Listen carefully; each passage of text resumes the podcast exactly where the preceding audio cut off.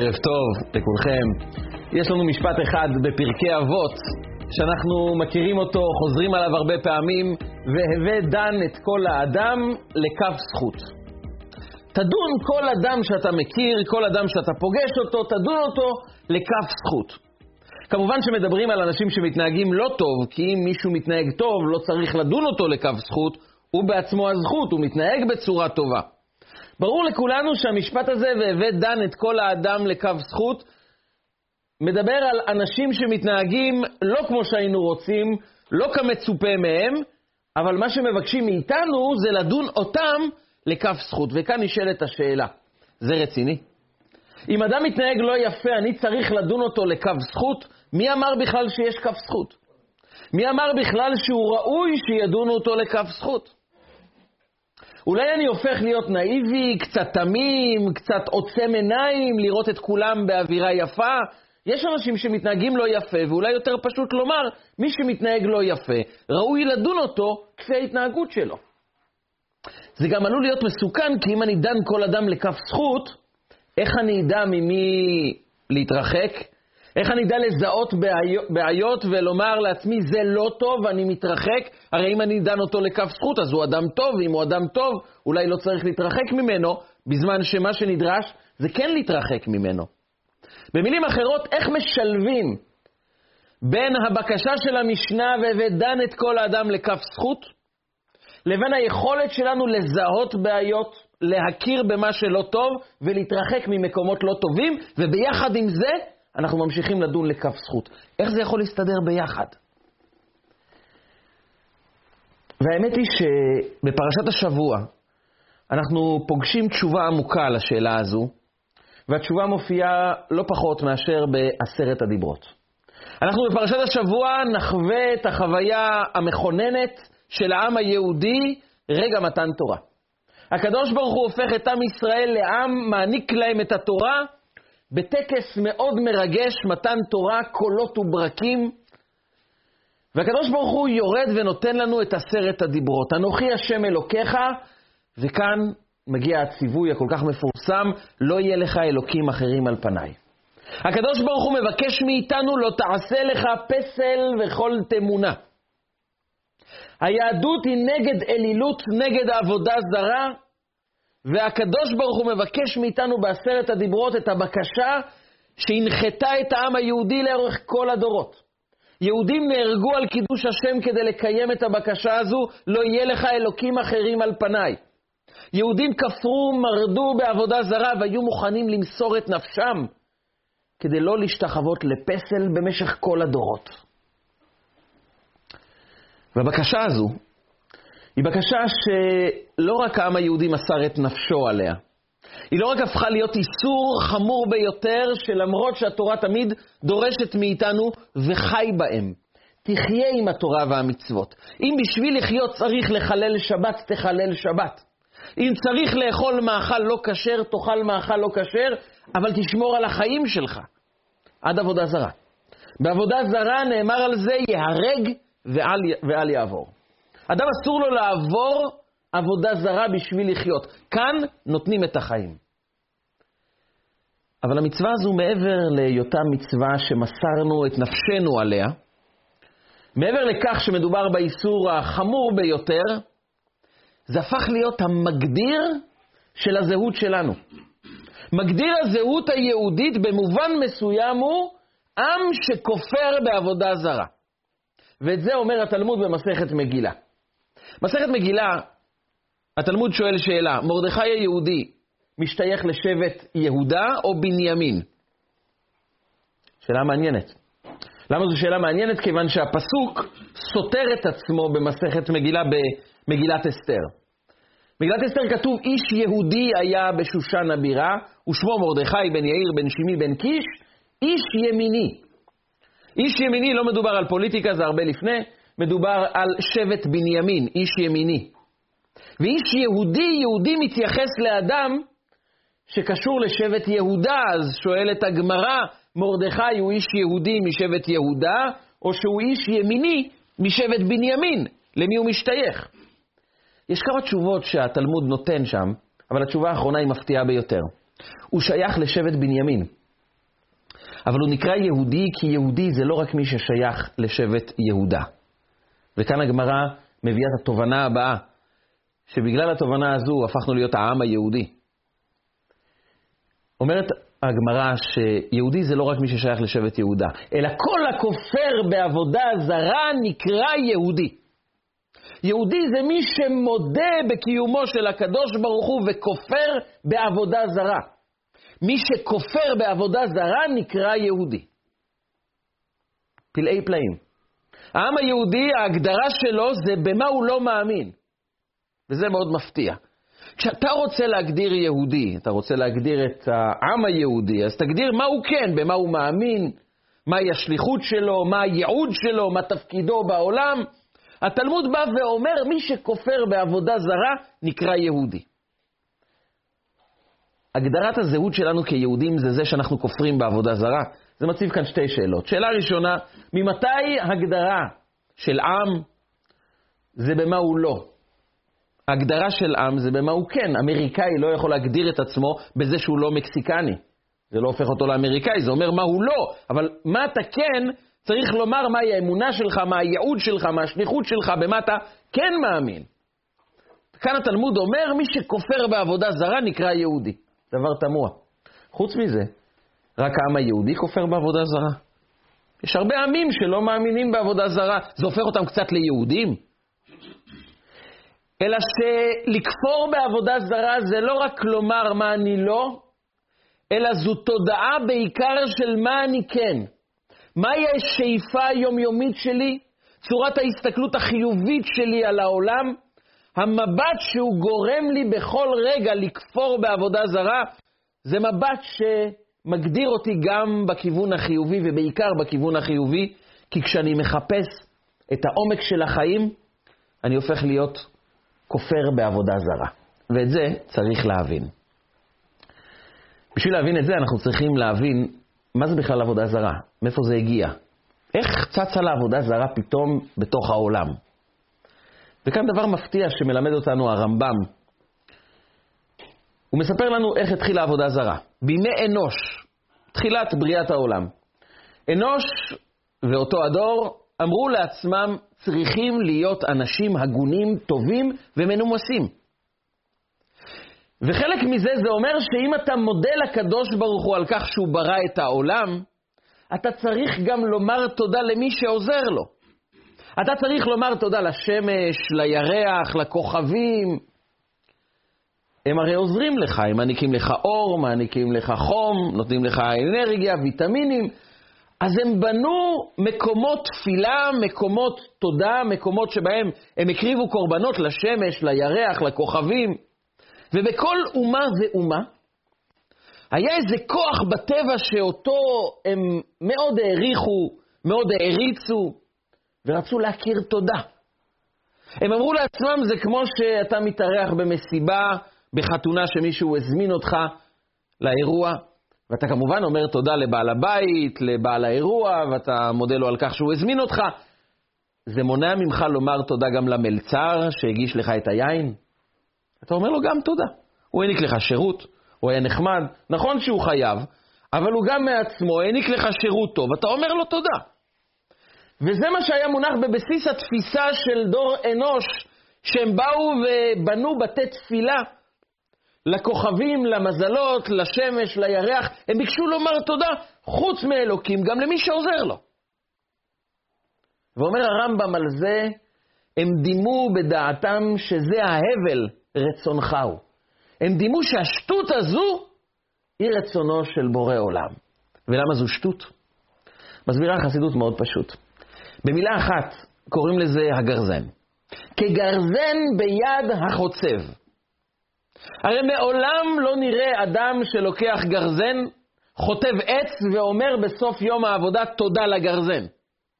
אף אחד לא אומר תודה לגרזן ואף אחד לא מסיים את ארוחת הצהריים שלו באמירת תודה לסכין ולמזלג, מסיבה אחת פשוטה, אין להם בחירה. הם רק חפצים שאנחנו משתמשים בהם. הם צינורות ללא יכולת בחירה, ללא רגש, ללא החלטה, ובזה זה שונה מאותו מלצר שעוזר לנו, שמשרת אותנו בחתונה, באולם, במסעדה. כיוון שהמלצר יכול להחליט על דעת עצמו איזה סוג שירות הוא נותן. ואנחנו מודים לו על הבחירה שלו בלהעניק שירות טוב. אבל זה לא שייך לשמש וירח. זה לא שייך לכוחות הטבע. אין להם בחירה בשום דבר. הם צינורות, הם כגרזן ביד החוצב. הם ככלי בידיו של בורא עולם להשפיע ולתת בעולם. הם לא יכולים להחליט שום דבר, אין להם בחירה איזה שירות להעניק. הם לא יכולים להחליט מתי הם יפעלו, מתי הם יפסיקו לפעול. הם נתונים לגמרי לשליטתו של הקדוש ברוך הוא, הם כמו גרזן ביד החוצב. והתובנה הזו היא תובנה יסודית בחיים שלנו, לא רק כאשר אנחנו מנסים לפענח מה עלה בדעתם של עובדי עבודה זרה בדורות הקודמים, אלא בעיקר בדור שלנו. יציאת מצרים ומתן תורה זה המעבר בין תודעה של עבודה זרה לתודעה של אמונה יהודית. יציאת מצרים זו לא הייתה רק יציאה פיזית מאזור שנקרא מצרים, מסע במדבר בדרך אל הארץ המובטחת. זה לא רק מסע פיזי, זה בעיקר תהליך רוחני. המצרים, אצלם העבודה זרה הייתה הנילוס מסיבה אחת. הם באו לעם היהודי ואמרו להם, תפסיקו להאמין בדברים שלא רואים. תפסיקו להתייחס למה שלא מוחשי כמשהו אמיתי בחיים שלכם. הנה תראו, אנחנו חיים כאן במצרים בחיים הטובים ביותר.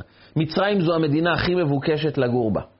כולם רוצים להתגורר במקום שיש בו הכי הרבה כסף, הכי הרבה תבואה, הכי הרבה עוצמה, הכי הרבה חוכמה גם. החכמים הגדולים של אותו הדור חיו במצרים, מצרים הייתה מדינה חזקה, עוצמתית, והם אמרו, תראו, החוזק שלנו נובע מהנילוס. הנילוס משקה לנו את השדות. הנילוס נותן לנו מים לשתות, מצמיח לנו את התבואה, מעניק לנו פירות, צמחייה, יבול, וזה מה שמעניק לנו את היכולת להקים צבא, להקים מדינה, להיות מקום חזק וטוב שיכול להעניק לכל אזרח ואזרח את כל מה שהוא צריך. ולכן על פי חוק במצרים הנילוס היה קדוש. הנילוס הפך לקדוש כי אצלם מה שמעניק עוצמה פיזית הופך להיות משמעותי, קדוש, והם הטביעו את הבנים היהודים בתוך הנילוס כדי לומר, הנילוס שלנו שולט גם עליכם. ולכן עשרת המכות התחילו בנילוס. הנילוס הביא לכם חיים, אז הוא הופך לדם. הוא עכשיו מעניק בדיוק את ההפך מהחיים. למה? כדי שנשאל את עצמנו שאלה אחת. אם הנילוס העניק חיים עד עכשיו, איך פתאום הוא הופך להיות משהו שמעניק בדיוק את ההפך, את המוות, את הדם? יש אולי משהו אחר שמנהל אותו, ואולי לא מה שחשבנו שמנהל אותנו בצורה חיצונית, זה באמת מה שקורה בחיים שלנו? והמחשבה הזו היא המכה הגדולה של מצרים. זה לא רק לחסל את הכוח הפיזי של הנילוס, אלא בעיקר להוציא את העוצמה החיצונית המדומה של הנילוס ולהציב את השאלה, אולי הנילוס הוא לא זה שמנהיג אותנו? אולי יש משהו אחר שמנהל אותו? עשרת המכות היו תהליך שלם שבה הקדוש, תהליך שלם שבו הקדוש ברוך הוא בעצם מנפץ את כל העוצמה המצרית כדי לגרום לכולם לשאול שאלה. אולי אצבע אלוקימי? אולי השם הצדיק, וכמו שאומר פרעה ואני ועמי הרשעים, אולי אנחנו ניהלנו את החיים שלנו בצורה שיותר מדי צמודה לעולם החיצוני ושכחנו שיש משהו פנימי יותר שמנהל את כל העסק. ואז מגיע מתן תורה. במתן תורה נאמר, וכל העם רואים את הקולות. מה זה רואים את הקולות? אומר לנו רבי עקיבא. רואים את הנשמע ושומעים את הנראה. התרחש נס של היפוך חושים כזה, שאם בעיניים אנחנו בדרך כלל רואים ובאוזן אנחנו שומעים, אז כאן הכל התהפך. כל העם רואים את הקולות, עכשיו אנחנו רואים את הנשמע ושומעים את הנראה. נס מפתיע, נס מוזר. נס שמעל הכל מציב את השאלה בשביל מה? מה התועלת? מה הצורך? מה זה בכלל אומר לראות את הנשמע? איך רואים קולות? אפשר לראות קולות? אפשר לשמוע מראות? הרי מראה מטבעו הוא שייך לכוח הראייה ושמיעה אנחנו משתמשים בה כדי לשמוע צלילים, קולות, לראות קולות ולשמוע מראות, מה זה בדיוק אומר? ואומר רבי עקיבא, זה רגע מכונן בחייו של העם היהודי, וכל העם רואים את הקולות, לראות את הקולות. לראות את מה שנשמע ולשמוע את מה שנראה. וכך מסבירה החסידות. אנחנו צמודים למה שאנחנו רואים. הכוח הכי משמעותי, מוחשי, הכוח הכי משכנע בחיים שלנו זה מה שאנחנו רואים. אני ראיתי. כשאני ראיתי, אף אחד לא יכול לומר לי, זה לא קרה. אני בעצמי ראיתי. כאשר אני שומע סיפורים, שומע קולות, אפשר להתווכח אם זה יתרחש או לא יתרחש, אולי משהו אחר קרה. אבל כשאני ראיתי, זה משכנע אותי בצורה כל כך עמוקה, שאני מוכן לעמוד מול כל העולם. כל העולם יאמרו לי משהו אחד, אני אומר, אני ראיתי. אף אחד לא יספר לי סיפורים, אני ראיתי. שמיעה זה כוח חלש יותר. אני שמעתי, אני הגעתי לתובנה מסוימת, אבל כל אדם שהגיע לתובנה מסוימת, לשמוע זה לא רק לשמוע, זה גם להבין. זה להבין כי כאשר אני שומע, אני אומר, אני בעצם גם מבין את זה. זה כמו הביטוי שאנחנו אומרים, אני שומע מה שאתה אומר. אני שומע את זה, הכוונה אני גם מבין. השמיעה היא כוח חלש יותר מצד אחד, כי השכנוע הוא לא עמוק וטוטלי כמו הראייה, אבל יש לו מעלה אחת. אני יכול להשיג דברים שמעבר למה שאני רואה. אני יכול לשמוע, להתבונן, להבין דברים שמעבר לעולם החומר, מעבר לעולם הפיזי. העולם המוחשי שבו אנחנו חיים הוא כל כך עוצמתי, כל כך חזק, כי מה שאנחנו רואים מבחינתנו, אנחנו חווים אותו כמציאות שלמה, כדבר אמיתי, כדבר מוחשי, והשמיעה היא קושרת אותנו לעולמות רוחניים יותר, אבל השכנוע הוא פחות יותר. אז יש לי קשר עם עולם שמעבר לתחום הפיזי, לתחום החומרי, אבל השכנוע הוא לא עמוק, הוא לא טוטאלי, הוא לא חודר בנפש עד הסוף. ולכן אנחנו חיים בעולם שבו הדברים החומריים הם תופסים הרבה הרבה מקום.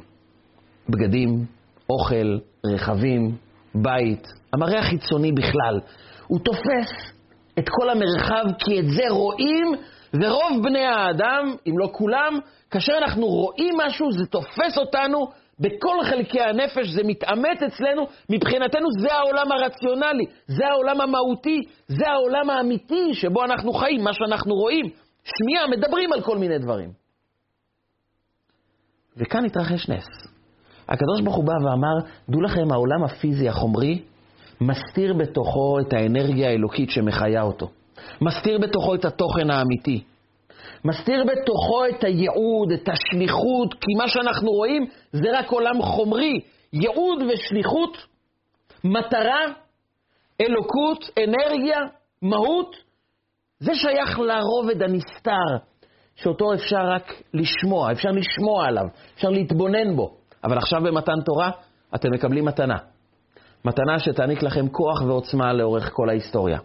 וכל העם רואים את הקולות. עכשיו אתם תראו בראייה מוחשית את הקולות, את הנשמע, את הרובד הזה שתמיד הוא נסתר, את האנרגיה האלוקית שמחיה את העולם, את המהות, את הייעוד, את האמת של העולם, האמת שמחיה את העולם, את זה אנחנו עכשיו נראה. ואנחנו רק נשמע על העולם הפיזי. פתאום העולם הפיזי יהפוך להיות משני, והרובד הרוחני, שהוא בעצם המהות של העולם, הסיבה שבגללה העולם נברא, הייעוד של העולם, המטרה שאליה אנחנו אמורים להגיע, כל זה הפך להיות מוחשי בראייה. וכל העם רואים את הקולות. פתאום רגע הפסקנו לראות את הדברים בצורה חיצונית, והתחלנו לראות את המהות האמיתית, את מה שבאמת באמת מתרחש כאן. והעולם הפך להיות רגע משני, רגע בהסתכלות כזו יותר נמוכה, כי האמת שהעולם מסתיר, הפך להיות מוחשי, ראינו אותו. פתאום העולם הפסיק להיות עולם, כי עולם זה מלשון העלם. משהו נעלם כאן. אנחנו צריכים לדעת שאנחנו חיים בתוך עולם שכל הזמן מעלים בתוכו כל מיני אמיתות, ייעודים, שליחויות, מהות אמיתית. שהיא נעלמת. ותפקידנו? תפקידנו זה להסיר את ההיעלם ולמצוא את האמת של החיים שלנו. זה בעצם הבקשה העמוקה, האמיתית, שיש לכל אחד מאיתנו. לראות את הייעוד, לראות את השליחות, לראות את האמת. למה, לשם מה קיים העולם הזה? וכאן זה פוגש אותנו גם היום. לא רק בדורות שעבדו עבודה זרה, פתאום נדרש מהם, תפסיק לראות את העולם החיצוני ותבין שיש מהות מאחורי העולם הזה. המצרים, המכה הגדולה שהם חטפו זה לא רק שמוטטו להם את הכוח הפיזי שלהם, מוטטו להם את הרעיון המצרי, את התובנות המצריות. את האמונה האלילית של מצרים, הקדוש ברוך הוא ניפץ ביציאת מצרים. הנילוס נחרב, פרעה שהכריז, לי יאורי ואני עשיתיני, אני עשיתי את עצמי. עולם החומר כל כך עוצמתי אצלנו. יש לנו כל כך הרבה טוב, חומרי, אנחנו כל כך מצליחים, שכנראה אנחנו, אנחנו האליל. לי יאורי ואני עשיתיני. אנחנו חזות הכל. ועד שפרעה לא רץ ברחובות מצרים לחפש את משה ואהרון ולומר להם, להתחנן אליהם, צאו מתוך עמי, תצאו ממצרים, אני כבר לא יכול יותר. עד אז פרעה חשב שאולי רק מצרים קיימת. וביציאת מצרים כולם הבינו שמצרים מתחילה לצאת מתוך חיינו. הצרות הזו של לראות רק את מה שאני רואה פיזית, חומרית, ללא יכולת לפרוץ רגע את המחסום ולומר מה מסתתר מאחור, מה האמת שמקיימת את העולם החומרי הזה? זה התחיל ביציאת מצרים והגיע לשיא במתן תורה. אז ראינו את הנשמע, אז ראינו את הדבר שכל הזמן אנחנו חושבים ומתבוננים בו. פתאום חווינו אותו בחיים שלנו, וזה העניק לנו מתנה. מתנה שיכולה לאפשר לנו לקיים את מה שאמרו חכמים במשנה, והווה דן את כל האדם לכף זכות. כמעט כל אחד, או פשוט אולי כולנו, פגשנו לא פעם אנשים שמתנהגים בצורה לא יפה. ומה שקורה כאשר אנחנו רואים אנשים שמתנהגים לא יפה, זה יכול להיות הילד בבית שפתאום מתנהג בצורה שלא היינו מצפים ממנו להתנהג ואנחנו ישר כועסים עליו, חבר בעבודה, או זוג שבעל חוזר הביתה ונכנס הביתה כולו מאושר, הוא קיבל קידום בעבודה. הוא כבר ביקש להתקדם הרבה הרבה זמן, והיום הבקשה שלו אושרה והוא קיבל קידום. זה אומר משכורת יותר טובה, משרד יותר נוח, הוא מקבל אולי גם רכב צמוד, והוא מאוד מאוד שמח על ההתקדמות המקצועית שלו, והוא רוצה לשתף את אשתו, הוא חוזר הביתה בערב, פותח את הדלת בדרמטיות, ומיד מכריז לאשתו, קיבלתי את הקידום. ויש לו המון ציפיות מה תהיה התגובה. אבל תגובה כזו צוננת הוא לא חשב שהוא יקבל. אומר לו, יפה מאוד, טוב מאוד, אולי תיקח את הילד למקלחת, אני כבר לא יכולה יותר, אני צריכה לנוח קצת. זה המקרה. הוא ציפה למשהו אחד וקיבל משהו אחר. ויש לנו תהליך שאנחנו מבצעים בתוך המוח שלנו כאשר הציפייה שלנו לא ממומשת. אנחנו מתחילים לתת פרשנות. אנחנו מפרשים מה קרה. העם היהודי בכלל לא אוהב פרשנים. כל הזמן אנחנו עסוקים בפירושים. ואז האדם מפרש לעצמו, והוא יכול לפרש כל מיני פירושים. מכאן הדרך פתוחה להמון המון כיוונים. הוא יכול לומר לעצמו, היא לא מעריכה מה שאני עושה. אני עובד, אני קורע את עצמי, וקצת הערכה אני לא יכול לקבל. במשרד מעריכים אותי יותר מבבית. מה אני עושה פה בכלל? אין הערכה. אני צריך לעשות משהו שיבהיר כאן, בבית הזה, שאני גם ראוי לקצת כבוד. אבל זו פרשנות. זה דרך איך לפרש את מה שאנחנו רואים, את החוויה שבה אנחנו נמצאים. אבל נשאלת שאלה אחת, האם אנחנו מוכנים לכפור בעבודה זרה? עבודה זרה נולדה כתוצאה מ"אם אני רואה את השמש מאירה, מביאה לי אור, ויטמינים, חום", אז לה אני אומר תודה. כי אני ראיתי שהשמש מעניקה לי חום. מה אתה רוצה לומר אחרת? מה אתה רוצה לחשוב בצורה אחרת? אבל הכופר בעבודה זרה שואל את עצמו שאלה אחת, האם זו חזות הכל?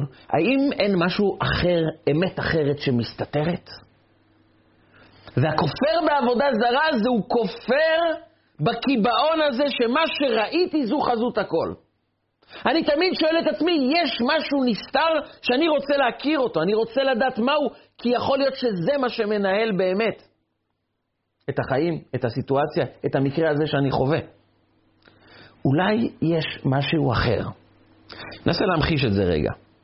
יש סיפור יהודי שמספרים על השומר של בית העלמין. שומר בית העלמין במשך 25 שנה ניהל את בית העלמין, היה פותח אותו בבוקר, מנהל את הלוויות, מסדר את בית העלמין, ובלילה מאוחר הולך לסגור את השערים עד למחרת בבוקר. הוא עובד 25 שנה, הוא אומר שזו העבודה הכי טובה, קליינטורה לא משגעת אותך, לא מציקה לך, אנשים נוחים במקצוע הזה, הם כבר סיימו את החיים שלהם וסיימו גם להציק לאנשים אחרים, והוא אוהב את המקצוע הזה. באותו שבוע, שני גנבים, שהם היו גנבים שהחליטו שהם גונבים רק כדי לחיות. והם משתדלים להיות הכי הגונים שרק אפשר, ולכן הם גונבים לא סתם מאנשים, אלא רק מאנשים עשירים, ורק מה שהם צריכים כדי להתקיים, לא יותר מזה. הם ניסו להיות גנבים הגונים. והם שדדו בית, ולקחו מתוכו, לא את הכסף, לא את הזהב, שני שקים של אגוזים. והם אמרו לעצמם, אנחנו נחלק את זה בינינו, נמלטו מהבית, ורצו לחלק את האגוזים ביניהם, אבל אמרו, איפה נוכל לחלק את האגוזים בינינו? במקום שהמשטרה לא תתפוס אותנו. והם אמרו לעצמם, המקום הכי אידיאלי זה בית העלמין. בית העלמין, אנשים שם לא מבקרים, אנשים שנמצאים שם גם לא ילשינו עלינו, מקום שקט, משטרה לא מגיעה לשם, נכנסו לבית העלמין, סגרו את השער ליתר ביטחון, שמו שני אגוזים מעל השער כדי לוודא שאם מישהו פותח את השער, האגוזים יפלו, יהיה רעש, ואז הם יוכלו להימלט. סגרו את השער, שני אגוזים, נכנסו לעומק בית העלמין, והתחילו לחלק את האגוזים. אחד לי, אחד לך. אחד לי, אחד לך. מחלקים. ואז שומר בית העלמין מגיע לסגור את השער. והוא רואה את השער סגור. זה לא קרה לו מעולם ב-25 שנה האחרונים, האחרונות. ופתאום הוא שומע קולות. הוא שומע קולות, אחד לי, אחד לך. אחד לי, אחד לך. ואז הוא הבין מה קורה כאן. הוא נזכר בסבתא שלו, שהייתה מספרת לו שלפעמים מלאכים יורדים מלמעלה ומחליטים לחסל את אנשי העיר, והם מחלקים את הנשמות של האנשים בעיר. והוא הבין שעכשיו הם מחלקים את הנשמות. אחד לי, אחד לך. הוא התחיל לרעוד, הוא התחיל לפחד. הוא אמר לעצמו, מה אני עושה כעת? הם סגרו את השער, הם מחלקים את הנשמות, הוא רץ כל עוד נשמתו בו לבית של הרב. הרב, אמצע הלילה יושב, לומד תורה, הוא מתפרץ לתוך הבית, הרב נבהל, שואל אותו, מה קרה לך? הוא אומר, הרב, גזירה נוראה מגיעה לעיר שלנו. המלאכים ירדו והתחילו לחלק את הנשמות של אנשי העיר, אתה חייב לעשות משהו. הרב אומר לו, אני רואה ש-25 שנה עבודה בבית עלמין עשו את שלהם, אני חושב שאולי תחשוב על יציאה לפנסיה, זה לא עושה לך טוב. אומר, הרב, אני לא צוחק, אני מבטיח לך, הם מחלקים את הנשמות, תבוא איתי לבית עלמין, תראה, אתה חייב להגן על העיר. הוא אומר לו, רק בשביל להרגיע אותך, אני אצעד איתך. והוא מגיע ומנסה להרגיע אותו כל הדרך, והשומר לא רגוע, עד שמגיעים לשער, והוא אומר לו, נו, השער סגור, ממה אתה מפחד? אתה סגרת את השער? הוא אומר, כבוד הרב, זה בדיוק העניין. לא סגרתי את השער. המלאכים פה מחלקים את הנשמות, ולך תדע מה הולך להיות. תשמע, כבוד הרב, אתה שומע? ואז הוא מטה אוזן וגם הוא שומע. אחד לי, אחד לך. אחד לי, אחד לך. הוא אומר לשומר, מה זה? אומר, כבוד הרב, זה מה שאני אומר לך, מחלקים פה את הנשמות, הולכים להרוג את כולנו, תעשה משהו, כבוד הרב. הרב מזועזע ככה, מסתכל על השומר, והם ממשיכים לחלק את האגוזים ביניהם, הגנבים. אחד לי, אחד לך, סיימנו לחלק. ואז אחד אומר לשני, לא סיימנו, יש שתיים בשער שלא חילקנו אותם עדיין. והרב והשומר התעלפו במקום. מה שאומר שלא תמיד מה שאתה שומע, אתה שומע נכון. לא תמיד מה שאנחנו רואים, אנחנו רואים נכון. אולי המחזה, אנחנו רואים אותו נכון, אבל מכיוון שבעיקר מה שמתחולל בתוכנו זו הפרשנות שלנו, זה מה אנחנו מסבירים לעצמנו, אז ראינו משהו אחד, אבל בתוך הלב שלנו מתחולל משהו אחר לחלוטין. במילים אחרות, כשמישהו מתנהג לא טוב, אז ההתנהגות זה האירוע. אבל הפרשנות שאנחנו מפרשים את ההתנהגות שלו, זו הדמות שהתחילה להיווצר בתוך הדמיון שלנו. ואז אנחנו מפסיקים להתעסק עם הבן אדם, אנחנו כבר לא מתעסקים עם האירוע, אנחנו מתעסקים עם דמות שרק אנחנו יצרנו. היא נולדה רק אצלנו. ולפעמים יכולים לעבור שנים עד שבן אדם קולט שהוא נלחם נגד רוח שרק הוא החליט שהיא קיימת, נגד דמות שקיימת רק בדמיון שלו, בגלל שהיה חסר, חסרה שאלה אחת. מה האמת מאחורי האירוע? במקום לפרש מיד במקום, כמו עובד עבודה זרה, רגע, ככה אמרו לי, סימן שהאדם הזה הוא נוכל, הוא לא הגון, הוא רשע, הוא לא טוב, אני חייב להראות לו מה זה, אני חייב לשמור על הכבוד, הוא פגע בי. רגע אחד. זו פרשנות שדורשת בירור. מי אמר? אולי יש משהו אחר לחלוטין שמתרחש כאן. אולי יש משהו אחר בכלל שמתחולל במקום הזה. וכאן אנחנו נדרשים לשאלה, מה האמת שמתחוללת כאן? מה באמת מתרחש פה? ובשביל זה אנחנו צריכים לנפץ את העבודה הזרה. לומר לעצמנו, נכון, מה שראינו מוליד ישר פרשנות מסוג אחד. אבל העם היהודי זה עם שבוחר בכל רגע לכפור בעבודה זרה. לומר לעצמנו, אנחנו עוצרים רגע, והפרשנות שנולדה בתוכנו כעת, יכול להיות שהיא טעות לגמרי. אני בוחר לראות משהו אחר. אני מבקש לראות מה באמת קיים כאן. וחכמינו נותנים לנו דוגמה לאישה שהייתה אישה יהודייה שהעניקה את אחת המתנות הגדולות ביותר לעם היהודי לדורותיו, רק בגלל, רק בגלל שהיא בחרה לכפור בעבודה זרה.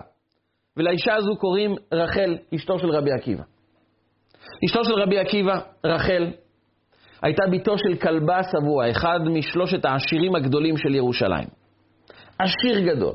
קראו לו כלבה שבוע כי אפילו כלב שהיה נכנס רעב לבית שלו היה יוצא שבע. הכנסת אורחים ופתיחות ונתינה וחסד ואושר בלתי נגמר, זה היה הבית שבו גדלה רחל, אשתו של רבי עקיבא. והיא יכלה לקבל כל שידוך, כל חתן שהיא רק הייתה בוחרת בו, ממשפחה טובה, אדם משכיל, אדם טוב, מידות טובות, משפחה טובה, כל דבר שהיא הייתה מבקשת הייתה מקבלת. והביאו לה המון המון הצעות. והיא בחרה להתחתן עם הרועה צאן של אבא שלה. קראו לו עקיבא בן יוסף, בן 40, ההשכלה התיכונית שלו זה לא יודע לא לקרוא, לא לכתוב, שום דבר. הדבר היחיד שהוא יודע להתעסק איתו זה צאן, זה בקר. והיא מודיעה לאבא שלה שהיא בחרה להתחתן איתו. לא סתם. היא ראתה בו שהוא צנוע ומעלי. היא ראתה בו תכונות טובות. היא ראתה בו עומק טוב. והיא באה אליו ואמרה לו, עקיבא, אם אני מתחתנת איתך, אתה תלך ללמוד תורה? והוא לא מבין מאיפה הברכה הזו נוחתת עליו. הוא אומר לה, אם את מתחתנת איתי, בטח, אני רץ ללמוד תורה. היא אומרת לו, אני עוזבת את הכל ובוחרת להתחתן איתך, כי אני מאמינה שתצליח בלימוד התורה. אבל אני מבקשת, אחרי חתונה אתה הולך ללמוד תורה. הוא אמר לה, בסדר גמור. היא הודיעה לאבא שלה שהיא מתחתנת עם רבי עקיבא, היא נזרקה מהבית. כל ירושלים היו בטוחים שהשתבשה עליה דעתה. בחרה בחיי עוני, עזבה את בית אביה בשביל מה? בשביל להתחתן עם רועה צאן שלא יודע לא לקרוא, לא לכתוב, חוץ מזה שהוא ממשפחה של גרים, מאדום, שהיו אויבים גדולים של עם ישראל, משפחת עשיו הרשע. והיא בחרה להתחתן עם הגר, טוב, הוא גר, מכבדים אותו, אבל בכל אופן הוא לא יודע לא לקרוא, לא לכתוב, הוא רועה צאן, לא בחר, בחרת במשהו אחר, קצת יותר טוב לחיים שלך. כל ירושלים מדברים עליה. אבא שלה זרק אותה, נישל אותה מהירושה, מהמשפחה. היא גרה במחסן וישנה על קש, אחרי שהיא רגילה לחיות מאז שהיא קטנה, בבית של עשירים מופלגים, בשביל דבר אחד, שרבי עקיבא ילך ללמוד תורה. עוברים השבע ברכות. תקופה קצרה אחרי החתונה היא באה ואומרת לו, עקיבא, אתה זוכר, הבטחת שאתה הולך ללמוד תורה? אז תלך ללמוד תורה. ואז בפעם הראשונה הוא חושב על זה בצורה רצינית, והוא אומר לעצמו, רגע, בשביל ללמוד תורה אני צריך ללמוד א', ב'. בשביל ללמוד א', ב' אני צריך להיכנס לכיתה א', לשבת עם ילדים קטנים. הוא חושב לעצמו, איך הרגשה של אדם בן 40 בכיתה א', והוא מתחיל להבין איזה ביזיונות הוא יקבל, כמה הרגשה רעה תהיה לו, איך שכולם יצחקו עליו, והוא אומר לרחל, במחשבה שנייה אני לא הולך ללמוד תורה. אני אמשיך להיות רועה צאן, לא, לא מתאים לי ללמוד תורה. זה רגע מזעזע. מה זאת אומרת עכשיו אתה מחליט לא ללמוד תורה? עכשיו החלטת? בהתחלה היית צריך לומר אני לא הולך ללמוד תורה, אבל עכשיו כבר זרקו אותי מהבית, כל ירושלים צוחקת עליי.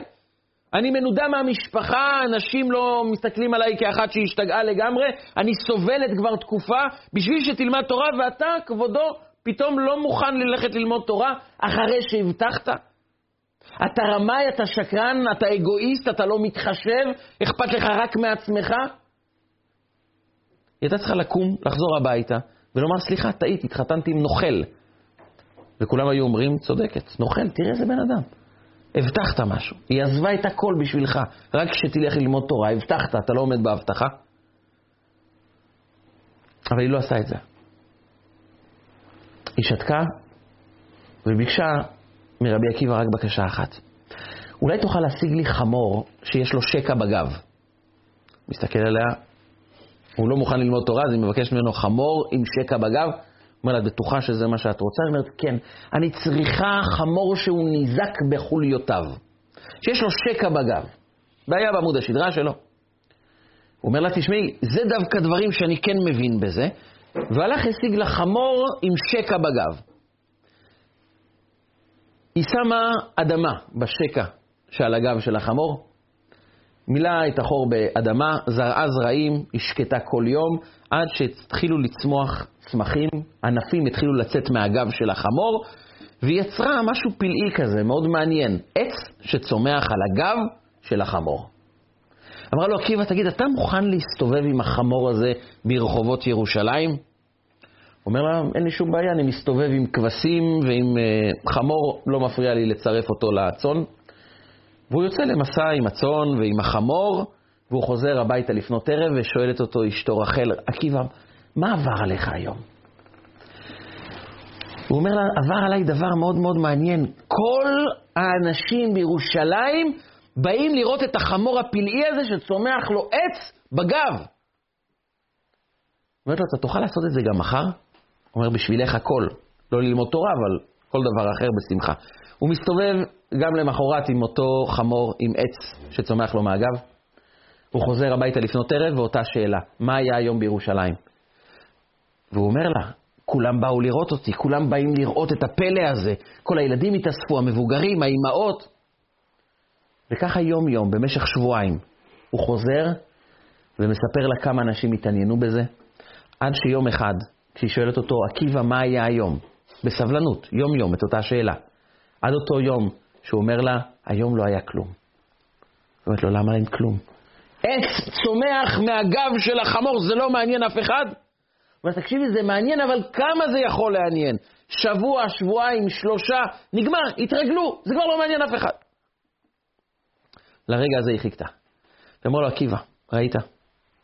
זה מעניין את כולם שבוע, שבועיים, שלושה, אחר כך זה כבר לא מעניין אף אחד.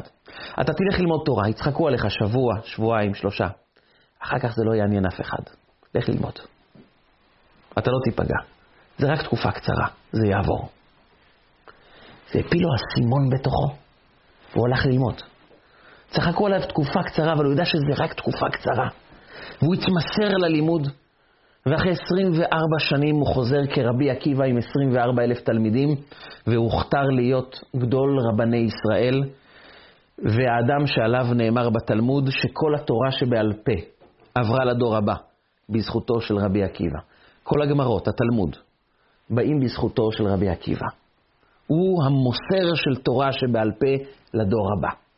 וכשהוא חזר הביתה, אחרי 24 שנים, אשתו מגיעה לכיוונו, התלמידים לא הבינו מי האישה שנדחפת כאן, הוא עצר אותם ואמר להם משפט אחד, שלי ושלכם, שלי. כל התורה שלנו, בזכות אותה אישה. לא רק בגלל שהיא שלחה אותי ללימוד, היא לימדה אותי את הדבר הכי עמוק, הכי מהותי, הכי שורשי בחיים שלנו. היא ראתה אדם שבחיצוניות היה נוכל, שקרן, אגואיסט, לא עומד במילה שלו. היא יכלה לחזור הביתה ולומר לכולם, הוא נוכל, הוא לא מוכן ללמוד תורה, ולא היה אדם אחד שהיה מצדיק אותי, כי איך אפשר להצדיק אדם שלא עמד במילתו? אבל היא בחרה לראות משהו אחר, לראות את האמת הפנימית שלי. אני לא נוכל, אני לא שקרן, אני לא אגואיסט, אני לא אדם שלא עומד במילה שלו. אני בסך הכל אדם שלא יודע להתמודד מול בושה. לא יודע, אין לי מושג. אני חווה באמת קושי איך אני אתמודד מול הצחוק של הילדים הקטנים מולי, אני לא יודע מה לעשות. והיא ראתה לא את הצד החיצוני של הוא שיקר, סימן שהוא נוכל, סימן שהוא אגואיסט, שהוא חושב רק על עצמו. היא ראתה לא, הוא משקר, כנראה שיש משהו שמציק לו, יש לו איזו אמת פנימית נסתרת, ואני חייבת לכפור בעבודה זרה כדי לגלות את האמת הזו. כי לכל אדם יש איזה ערך אמיתי, פנימי טוב, בתוך גם ההתנהגות הלא טובה. הוא מנסה לשמור על איזה ערך. ילד שצועק ומרביץ זה לא בגלל שהוא אלים, אם הוא משקר זה לא כי הוא שקרן. אנחנו תמיד נוטים לה, להציב תוויות על האדם. הוא שיקר, הוא שקרן. הוא הרביץ, הוא אלים. ואנחנו שמים עליו תוויות, תפסיק להיות אלים. למה אתה שקרן? אבל אולי הוא שומר על איזה ערך, על איזה צורך, שהוא מנסה להגן עליו, שבמהותו הערך הזה הוא טוב. והוא רק מנסה להגן, אולי לא בצורה נכונה, אבל הוא מנסה להגן על הערך הזה. הוא מנסה לשמור על הכבוד העצמי שלו.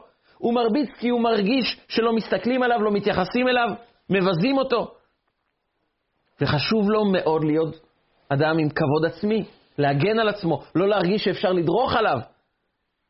אז אולי הוא לא עושה את המעשים הנכונים, אבל יש כאן איזה ערך, שאם רק נביט בערך הזה, הוא בעצם טוב. ורק ההתנהגות לא טובה. אבל השאלה בין המוחשי לבין הפנימי, בין מה אני רואה למה אני שומע, אנחנו צריכים לחוות, לחוות את מתן תורה וכל העם רואים את הקולות, לעצור רגע ולראות את הערך שהוא מנסה לשמור עליו. לראות רגע את הטוב שהוא מנסה להגן עליו, אולי בדרכים לא טובות. אולי צריך ללמד אותו איך מתנהגים כדי, נכון, כדי לשמור על הערך הזה. אבל יש כאן ערך, יש כאן משהו אמיתי וטוב שהוא מנסה לשמור עליו.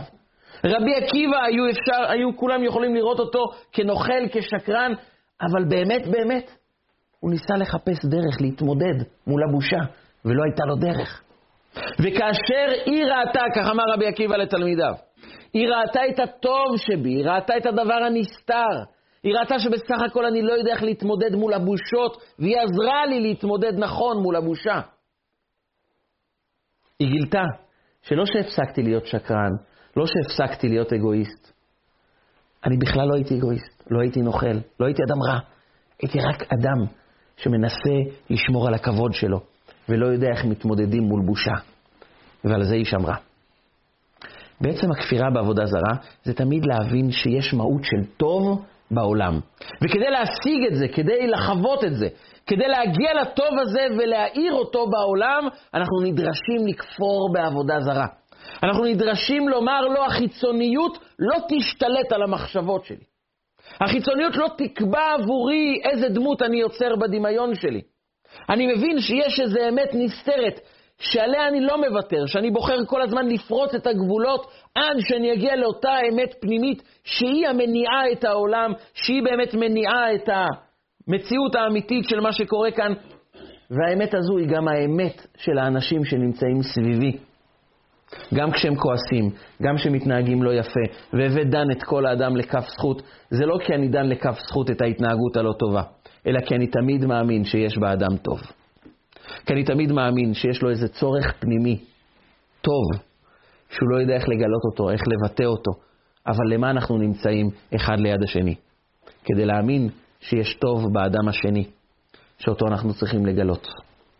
לכן הורים מגדלים ילדים, לכן בעל ואישה מתחתנים יחד, כדי שכל אחד יזכה להוציא מהשני את הגרעין הטוב לאור, לעולם, כדי להצמיח אותו, כדי לגלות את היהלומים שנמצאים והם נסתרים, אבל זה התפקיד שלנו, לא לחוות את ההסתר, לחוות וכל העם רואים את הקולות, לראות מה באמת קיים כאן. אבל זו תודעה שנקראת כל הכופר בעבודה זרה, לנפץ את הפרדיגמות, את התפיסות המובנות שלנו, ככה זה, ואל תספר לי סיפורים. אז כן, אפשר לפרוץ את גבולות החשיבה, ואז להגיע לתוצאות הטובות, האמיתיות, פורצות הדרך של החיים שלנו. כי זה לא רק ביחסים בינינו, זה בכלל ההסתכלות על העולם. האם העולם הזה הוא עולם טוב, עולם שיש בו פוטנציאל של טוב, או עולם שאנחנו רואים כל כך הרבה שקרים, נוכלות, אגואיזם, דברים כל כך לא טובים שאנחנו שומעים עליהם בחדשות, מה שמעניקים את התחושה שהעולם הוא ג'ונגל, העולם הוא לא טוב, העולם הוא רע. בודדים אנשים טובים. אבל זו הסתכלות של עבודה זרה, שהחיצוניות היא האמת. החיצוניות היא חזות הכל. רק מה שאני רואה, זה מה שקיים. הדברים הנסתרים, וכל עם רואים את הקולות לא קיים בתודעה הזו. וכל הכופר בעבודה זרה נקרא יהודי, הוא מסרב להאמין שהעולם הוא רע.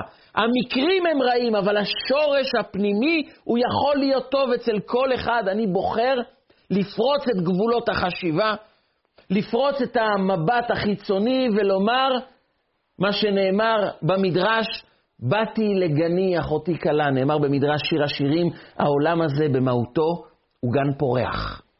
הוא מקום טוב, אפשר להוציא ממנו המון המון דברים טובים. אבל בשביל זה צריך עבודה, בשביל זה בדיוק הגענו. כדי להיות האנשים שמאמינים שאפשר לפרוץ גבולות ולגלות את הטוב הנסתר. בילד, בבן הזוג, בבת הזוג, באנשים סביבנו, בשכנים, בכל אדם יש מהות טובה. אנחנו נדרשים רק לעצור ולומר לעצמנו שעבודה זרה לא תשתלט עלינו ולא תקבע עבורנו מה האמת. כי האמת, האמת היא הרבה יותר עמוקה. רק היא דורשת מאיתנו לצאת ממצרים, להפסיק לחוות את האירועים שמתרחשים עכשיו כחזות הכל, לא להיכנע לרגשות שמיד מתעוררות בנו בצורה אוטומטית, לא לעבוד על אוטומט, אלא לעצור ולומר, אלו הם הרגשות שמתעוררות בי, אבל זה דמות שעכשיו נוצרת בקרבי כתוצאה מפרשנות שנתתי לאירוע הזה. ואז נולדים בתוכנו כל מיני רגשות שמובילים אותנו לתגובות לא טובות, אבל רגע אחד, המחשבות שלי, זה מחשבות שאני בחרתי אותן אחרי עבודה? או שזה מחשבות אוטומטיות שבונות דמויות, שמולידות רגשות בתוכי, ואז מובילות אותי להתנהגות מסוימת? אבל הכופר בעבודה זרה, הוא מבין שיש אמת טובה בעולם. הוא מחפש את הניצוץ האלוקי, את הניצוץ הטוב, בכל רגע ורגע בחיים שלו. הוא מחפש לנפץ את הגבולות ולמצוא את הבלי גבול בחיים שלו. היה סיפור בזמן מלחמת העולם הראשונה בירושלים. היה רעב נורא, נוראי בירושלים. השלטון הטורקי, חוץ מזה שהוא היה במצב מלחמתי, הוא גם הטיל עיצומים על האזרחים, היה חוסר במזון, ואנשים פשוט רעבו ללחם. לא מעט אנשים מתו בגלל חוסר בתזונה.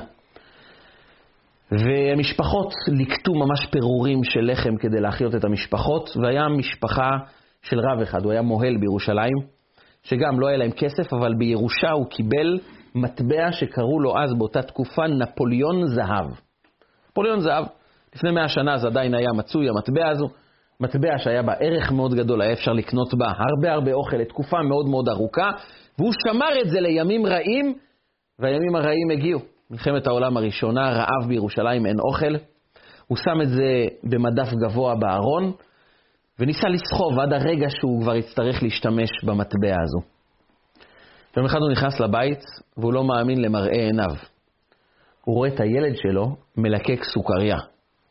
אמצע מלחמת העולם הראשונה, אנשים אין להם מה לאכול, והוא יש לו סוכריה. הוא בא לילד שלו מיד ואמר לו, מאיפה הסוכריה? והילד בן השש וחצי, שבע, שואל את, אומר לאבא שלו, אה, מה זאת אומרת? קניתי. הוא אומר, ומאיפה הכסף? הוא אומר, לא, אני ראיתי בארון במדף למעלה שהיה מטבע, אז הלכתי לקנות סוכריה. מה הוא רץ כל עוד נפשו בו לתוך הארון, הוא מגלה שהנפוליאון זהב לא נמצא שם, הוא הבין שהוא הלך למוכר, הוא צעק על הילד, לאיזה מוכר הלכת? איזה מוכר לקח ממך את הנפוליאון זהב? הוא אומר, המוכר אפרים, קניתי ממנו סוכריה. והוא נתן לך עודף? לא. הוא אמר שזה בדיוק המחיר של הסוכריה. נוכל שבנוכלים, רמאי, הוא רץ כל עוד נפשו בו ואחריו אשתו רצים למוכר ואומרים לו, תחזיר לנו את הנפוליאון זהב. אמר להם, איזה נפוליאון זהב? אומר, הבן שלנו קנה סוכריה אצלך. הוא נתן לך נפוליאון זהב ואתה רימית אותו ולקחת את המטבע. הוא אומר, סליחה? הוא הגיע לקנות סוכריה, אבל הוא נתן לי מטבע נחושת. מטבע קטנה, שזה בדיוק המחיר של הסוכריה. רמאי שקרן, איך אתה עושה את זה? האישה התחילה למרות את שערות ראשה מרוב צער, בכי, צעקות, כל השכונה הגיעה לחנות. והם צועקים לו, אבל הילד שלנו נתן לך נפוליאון זהב, זה מה שהיה לנו שם בארון, תחזיר לנו את המטבע הזה. הוא אומר להם, לא, הוא נתן לי רק מטבע נחושת קטנה, רק בשווי של הסוכריה. סיפור שלם. רוב השכונה האמינו לרב, למוהל. ראו כמה הוא צועק, ראו את האישה ממררת בבכי. זה לא שקר, זה לא, אי אפשר לשקר בצורה כזאת. זה ודאי שזה היה נפוליאון זהב, וכנראה המוכר לא התגבר על עצמו. סך הכל זמני רעב, מלחמה, ילד קטן מביא לך נפוליאון זהב, אין מצלמות. אבל אנשים אמרו לעצמם, אם הוא כזה שקרן, המוכר, למה נקנה אצלו? נקנה במקום אחר. אותו רב לא התייאש, אותו מוהל קרא לו לדין תורה. הם הגיעו לדין תורה והוא אמר, הבן שלי הביא לו נפוליאון זהב, המוכר אומר, מה פתאום, הוא נתן לי רק מטבע נחושת. על פי ההלכה אי אפשר לחייב אותו לשלם נפוליאון זהב, אבל אפשר לחייב אותו רק בדבר אחד, תישבע שלא קיבלת נפוליאון זהב. הוא אמר, אני מוכן להישבע, לא קיבלתי נפוליאון זהב, קיבלתי רק מטבע של נחושת. והרב אמר, עצור, הוא מוכן להישבע לשקר, שיעשה עוד עבירה. השבועה שלו לא תחזיר לי את המטבע, ואם הוא יישבע זה סתם עבירה, הוא אמר, אין צורך להישבע. הוא חזר הביתה, אין נפוליאון זהב, ואנשים כל כך כאבו את הכאב של הרב המוהל הזה, שהם הדירו את רגליהם, הפסיקו להיכנס אה, לחנות של אותו אפרים. הם הלכו למקום אחר, עדיף לקנות במקום יותר הגון בתקופות האלה. הקליינטורה ירדה, אנשים לא הגיעו לקנות, והוא נאלץ לסגור בעיצומה של המלחמה את החנות. והוא סבל חרפת רעב, וחזר הביתה, החנות סגורה, וככה עברה המלחמה. הוא הפך להיות אדם חולה מרוב צער, אבל אנשים אמרו, חולה, חולה, אל תגנוב, אל תיכנס למקומות כאלה. אל תעשה דברים רעים, וככה לא תקבל עונשים מלמעלה. המלחמה הסתיימה. השלטון עבר לבריטניה, השלטון המנדטורי, וכמה שנים אחרי מלחמת העולם הראשונה, יום אחד המוהל מקבל חבילה הביתה. הוא פותח והוא רואה שם מכתב, ובמרכז המכתב נמצא נפוליאון זהב, וכך כתוב במכתב. אני רוצה לשתף אותך בסיפור מאוד מאוד קשה שהיה לי בזמן המלחמה, בעיצומו של הרעב הגדול בירושלים. אני הלכתי ברחוב וראיתי ילד קטן הולך שמח לא הבנתי איך ילד שמח באמצע המלחמה כשכולם מתים מרעב. כשלי בבית יש ילדים שעוד רגע מתים מרעב ואשתי חולה בבית. ושאלתי את הילד, מה אתה שמח כל כך? הוא אמר לי, אני הולך לקנות סוכריה. ואמרתי, איזה ילד קונה סוכריה באמצע המלחמה? אמרתי לו, כמה כסף יש לך? והוא מראה לי נפוליאון זהב. אמרתי לעצמי, אם יש אנשים שיכולים לתת נפוליאון זהב לילד לסוכריה באמצע המלחמה, זה אנשים שלא חסר להם שום דבר. אמרתי לילד, תראה לי שנייה וברגע אחד החלפתי את המטבע נפוליאון זהב במטבע נחושת רגיל, הילד לא שם לב, מטבע, מטבע, הכל אותו דבר בשביל ילד בן 6-7. ולקחתי את הנפוליאון זהב, קניתי אוכל, החייתי את הילדים שלי, ואמרתי לעצמי, אני אחזיר למשפחה הזו את המטבע רק כאשר נצא מתוך מעגל הרעב והעוני הזה. וזהו, אה, עכשיו השתפר המצב הכלכלי שלנו, ואני מחזיר לך את המטבע נפוליאון זהב, ומבקש את סליחתך על מה שעשיתי, אבל רק רציתי להציל את הילדים שלי. זה סיפור שהוא סיפר כדי שנבין רק דבר אחד. גם כשברור לנו שמקרה מסוים הוא חד צדדי, הוא מאוד ברור, הפרשנות שבו היא לא ניתנת להחלפה, יכול להיות שיש משהו אחר לגמרי. יכול להיות שפספסנו משהו בדרך. יכול להיות שמשהו בסיפור הוא שונה אבל אנחנו לעולם לא נדע אותו, אבל אנחנו יכולים להשתמש רק בכלי אחד. והבדן את כל האדם לקו זכות. עד שלא ברור לנו לחלוטין מה רע, אנחנו צריכים לדעת שאולי יש טוב שמסתתר כאן. יש כאן אמת שאולי היא שונה לגמרי. אבל את זה יכול לזהות רק אדם שיודע, יש משהו טוב בזהות של כל אחד ואחד.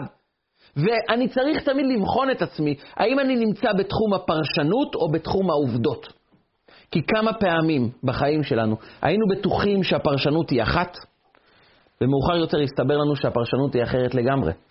הסתבר לנו שמדובר פה במשהו אחר לחלוטין.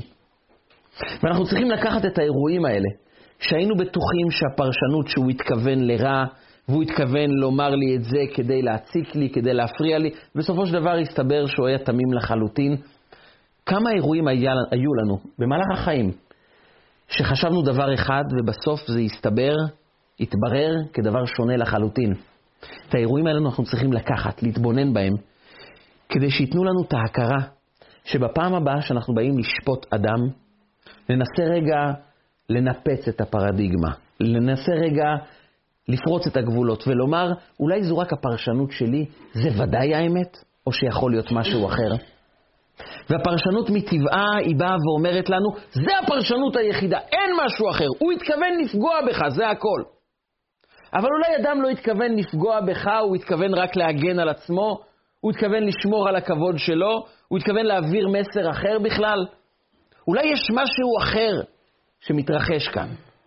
ועל זה נאמר במשנה, אל תדון את חברך עד שתגיע למקומו. שואלים המפרשים, למה כתוב אל תדון את חברך עד שתגיע למקומו? למה לא כתוב אל תדון כל אדם עד שתגיע למקומו? אל תדון את חברך עד שתגיע למקומו, עד שתהיה ממש במקום שלו, אל תדון גם את החבר שלך. למה חבר? כי לדון אדם אחר, אני מבין שאני לא יכול לדון אותו אם אני לא מכיר אותו. אני לא יודע מה מתרחש איתו, מה עובר עליו, מי הוא. אני לא יודע מי הוא בדיוק. אני לא יודע מה עובר עליו. אני דן אותו על המעשים הלא טובים שלו, אבל אני לא יודע בדיוק מה מתחולל בקרבו באמת, מה הוא עבר בחיים שלו. אבל הכי קל לדון את החבר. את החבר שאני מכיר אותו שנים רבות. אני כנראה יודע כל מה שעבר עליו, וכשאני רואה אותו אני אומר, אלה, אלה הם שקרנים. מגיל קטן אנחנו מכירים את המשפחה. כולם שקרנים שם. זאת, זאת רכלנית כרונית. לא מפסיקה לרחל, לא מפסיקה לדבר. אני מכירה אותה מאז שהיא קטנה, הם כאלה כולם במשפחה. את החברים קל לנו לדון אותם כי אנחנו בטוחים שאנחנו כבר ראינו הכל. אנחנו מכירים את כל הנושא, את כל הסיפור. ואז באה המשנה ואומרת לנו, אל תדון את חברך עד שתגיע למקומו. אתה לעולם לא תוכל לדעת מה עובר באמת גם על חברך. הכרת אותו 20 שנה, אבל אולי יש משהו שפספסת. לפעמים אנשים חיים גם יחד, 20 שנה. באים ואומרים, אתה לא תספר לי מי הוא, 20 שנה אני מכירה אותו, אני מכיר אותה, 20 שנה בעל פה, היא כזו ואימא שלה כזו וכל המשפחה הם כאלה. אבל אל תדון את חברך עד שתגיע למקומו. אולי יש משהו אחר, נסתר, שמעולם לא חיפשנו, ולכן גם לא מצאנו. ולכן אנחנו חיים תמיד עם הרובד החיצוני, במקום לדעת שיש משהו פנימי, אמיתי, טוב, שרוצה לצאת ולהתגלות. והוא מחכה רק לאדם שמוכן לכפור בעבודה זרה. לכפור בעבודה זרה זה לא רק להגיד מה אנחנו לא, אלא להגיד בעיקר מה אנחנו כן. אנשים שלעולם לא נכנעים לתכתיבים החיצוניים של העולם, ותמיד מבקשים את האמת הפנימית של מה שטוב, של מה שאמיתי, של מה שמואר בעולם שלנו.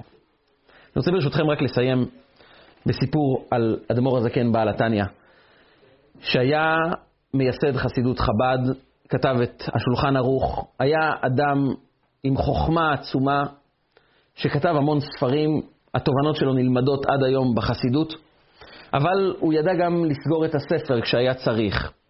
כשזרקו משפחה לבור, הפריץ של העיירה החליט שהוא כבר לא קיבל את החוב שלו לאורך זמן, כבר שנתיים שהוא לא קיבל את התשלום, אז הוא החליט שאת המשפחה הזו זורק לתוך הבור, והודיע לקהילה היהודית שעד שהוא לא מקבל את ה-40 אלף זהובים שחייבים לו, אז הוא משאיר אותם בבור, ובעוד שבועיים הוא גם קובר אותם שם, אם הוא לא יקבל את החוב. מיד הקהילה היהודית התגייסה לאסוף את הכסף, אבל הקהילה היהודית ענייה, אנשים עניים. להגיע ל-40 אלף זהובים זה משהו שלא שייך. אדמו"ר הזקן בעל התניא, רבי שניאור זלמן מיליאדי, התגייס למערכה. הוא נפגש עם אנשי חברי הקהילה היהודית, והודיע להם שהוא מצטרף לבקש כסף, כסף מהאנשים. הוא בדק את הרשימה של האנשים שיכולים לתרום. והוא ראה שברשימה הזו חסר מישהו. הוא אמר להם, למה אותו אדון שראיתי שיש לו בית גדול, גינה יפה, למה הוא לא מופיע ברשימה? אמרו לו, זה סיפור עצוב. האדם הזה הוא קמצן שאין קמצן יותר גדול ממנו. הוא לא מוכן לתת שום דבר לאף אחד. כלום. או סליחה, זה לא שהוא לא מוכן לתת שום דבר, הוא מוכן לתת רק דבר אחד, אגורה. הוא חולה, הוא קמצן ברמה כל כך חולנית, שהוא לא מוכן לתת שום דבר לאף אחד, גם במקרים הרעים ביותר, הקשים ביותר, חוץ מאגורה שחוקה אחת, שעל זה הוא תמיד מקפיד. הוא נותן אגורה. אנחנו כמובן לא מקבלים את האגורה, זורקים לו את זה בחזרה בפנים ואומרים לו, אתה לא רוצה לתרום, אל תתרום, אבל אל תבייש אותנו עם האגורה שלך. עשרים שנה, ואף אחד לא מוכן לקבל ממנו את האגורה. אז לא נוציא ממנו שום כסף כנראה. אדמו"ר הזקן אומר, אני הולך אליו. אומרים לו, אבל רבי, חבל על הזמן, אנחנו מבזבזים את הזמן, ואנשים נמצאים בבור, אנחנו חייבים להוציא אותם משם. בוא נדלג עליו, גם כך הוא לא ייתן שום דבר. אדמו"ר הזקן התעקש, והם הלכו לבית שלו. הם דפקו בדלת, השומר פותח את הדלת, ואומרים לו, אנחנו רוצים לפגוש את בעל הבית. בעל הבית מגיע עם חלוק כדור, וכולו מרוגש ואומר, בעל התניא, מה הביא אתכם אליי? איך זכיתי שאתם הגעתם אליי? הוא אומר לו, אני רוצה לשתף אותך בסיפור. סיפור עצוב. והוא סיפר לו על המשפחה שנמצאת בבור, שהם עומדים לאבד את החיים שלהם, והוא אומר לו, כל דמי אחיך זועקים אליך מן האדמה. תיתן להם משהו, תציל אותם. הוא פירט לו ברגש את כל המצב הנורא שבו נמצאת המשפחה, והוא התרגש. אפילו ראו קצת דמעות בעיניים שלו, והוא אמר, אני אתן לכם משהו. הוא הלך לחדר, חזר, שם ביד של אדמו"ר הזקן אגורה. האנשים ליד אדמו"ר הזקן היו מלאים בכעס. אם זה לא היה בית שלו, הם היו גם נותנים לו מכות. הם לא יכלו להבין איך אדם מתנהג בצורה כזו בזויה, כביכול הוא משתתף בצער, אבל נותן רק אגורה. אבל אדמו"ר הזקן לקח את האגורה, קם, חיבק אותו, נשק אותו ואמר לו תודה רבה שאכפת לך מהאחים שלך. אני מודה לך על נדיבות הלב שלך. אתה אדם טוב, אני מעריך את זה. תודה רבה לך. בירך אותו בברכות והלך. כשהוא יוצא, השומר רודף אחריו ואומר לו, רבי, הוא ביקש אם תוכל לחזור. והם חוזרים, הוא אומר, רבי, במחשבה שנייה כנראה שזה לא מספיק מה שנתתי. אני רוצה לתת עוד. והוא נתן מטבע זהב. הוא אומר שהקדוש ברוך הוא ירחם על היתומים, יוציא אותם, על המשפחה הזאת, שיצאו מהבור, שירגישו יותר טוב. ואדמו"ר הזקן לוקח את המטבע ואומר לו, תבין כמה אתה אדם טוב, שמת לב? אתה לא רק נתת פעם אחת, אתה נותן גם פעם שנייה, ואתה נותן עוד יותר. וזה אומר שאתה אדם כל כך טוב. חיבק אותו עוד הפעם, נשק אותו, אמר לו, אתה אדם כל כך טוב, בירך אותו בברכות, ופנה ללכת. בדרך כבר היה שקט. אנשים ראו שמשהו כאן השתנה. ותוך כדי שהם הולכים, השומר החזיר אותם עוד הפעם והוא נתן עוד כסף, והם הלכו בחזרה והוא החזיר אותם גם בפעם הרביעית, ובפעם הרביעית הם רואים שהוא בוכה. והוא אומר לו, רבי, כמה סכום חסר בשביל להציל את המשפחה הזו? הוא אמר לו, 40 אלף אה, זהובים, פחות אגורה וכמה מטבעות. הוא אומר לו, רבי, אני משלם את הכל, רק תקשיב לי חמש דקות, זה הכל. הם נכנסים הביתה, מתיישבים, והוא מספר לו. אני בגיל 14 איבדתי את שתי ההורים. שתי ההורים נפטרו. לא יכלתי לגור בבית כי זה לא היה בית שלנו, ובעל הבית אמר לי, תצא, אתה לא משלם שכירות, אני צריך לקחת את הבית בחזרה. גיל 14, אין לי משפחה, אין לי בית, אין לי אוכל, אין לי כסף, אני עובד בסחיבת מסעות כדי לקנות לחם בסוף יום, רק כדי לשרוד. ככה היו נראים החיים שלי בגיל 14.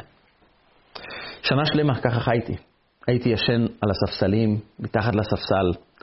אף אחד לא הסתכל עליי, לא היה כאן אף אחד לתמוך בי, אין לי משפחה, אין לי הורים, אין לי בית, אין לי כלום. ויום אחד אני הולך ברחוב, קניתי קצת לחם כדי לאכול, ומגיע אליי מישהו ומבקש ממני, תשמע, נער צעיר, יש כאן משפחה שהאבא נפטר, נשארה אלמנה עם שלושה יתומים, ילדים קטנים, אולי תוכל לתרום משהו כדי לקנות להם אוכל? ואני בעצמי יתום, לי בעצמי אין אוכל, אבל אמרתי לעצמי, אני יכול עוד לעבוד כדי לפרנס את עצמי, הם לא יכולים לעשות שום דבר. אז חיפשתי, אולי נשארה לי מטבע בכיס, ומצאתי רק אגורה אחת. אבל נתתי, זה כל מה שיש לי בחיים. אבל נתתי את זה מכל הלב. אמרתי לגבאי, צדקה, קח את זה, תן את זה לילדים, ושיהיה להם חיים יותר טובים. הוא מסתכל על האגורה ומסתכל עליי ואומר לי, אתה לא מתבייש? אגורה?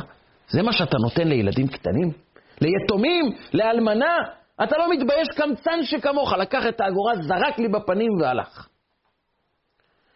מבטיח לך, רבי, עד היום כואבת לי המכה הזו. אני לקחתי את המטבע, שזה היה כל העולם שלי, כל החיים שלי. באתי לתת וזרקו לי את זה בחזרה ואמרו לי שאני אדם רע וקמצן. אמרתי לעצמי, עד שלא יקבלו ממני את האגורה הזו, אני לא נותן כלום לאף אחד. התחלתי עסקים, העירה לי הברכה, הצלחה. נהייתי עשיר, כמו שאתה רואה, עשיר גדול. אבל אולי זה לא נכון, אבל הייתי חייב כל פעם לתת את האגורה, ותמיד התפללתי שמישהו ייקח את האגורה ויגיד תודה, כי באגורה הזו כל הנשמה נמצאת בפנים. כל הכבוד העצמי שלי נמצא באגורה הזו. וכולם לקחו את האגורה וזרקו לי את זה בחזרה ואמרו לי שאני קמצן, שאני אדם רע, שלא אכפת לי מאף אחד. עד היום. אתה לקחת את האגורה וחיבקת ונשקת אותי ואמרת לי שאני אדם טוב. אני רוצה להגיד לך, רבי, לא אותי חיבקת. אתה יודע את מי חיבקת? את הילד היתום ברחוב, שיש לו רק אגורה בחיים שלו. אותו חיבקת, אותו נשקת. אמרת לו שהוא אדם טוב. אתה ריפאת אותי. אתה ריפאת את הילד שבתוכי. ואני מבטיח לך שעכשיו שאתה ראית מי אני באמת, כל מה שיש לי אני אתן לקהילה, אני אתן לאחים שלי כדי לעזור להם, כי אתה הסתכלת על הפנימיות, על הטוב האמיתי שיש בחיים שלי. כי זה היה המסר הגדול של מתן תורה, תמיד לראות את נקודת הטוב שיש בשני. כאשר אנחנו נרגיל את עצמנו לכפור בעבודה זרה, וכל העם רואים את הקולות, לראות את הקול הפנימי הטוב שיש בנו, בסובבים אותנו, נזכה גם שהקדוש ברוך הוא יראה לנו את הטוב שמסתתר בעולם הזה, הטוב שיתגלה אלינו בגאולה השלמה, שתבוא אלינו במהרה בימינו, אמן ואמן. רגע של חוכמה, רגעים קצרים ומשנה חיים. הצטרפו אלינו, הרשמו לערוצי רגע של חוכמה ביוטיוב, בפייסבוק, באינסטגרם ובוואטסאפ.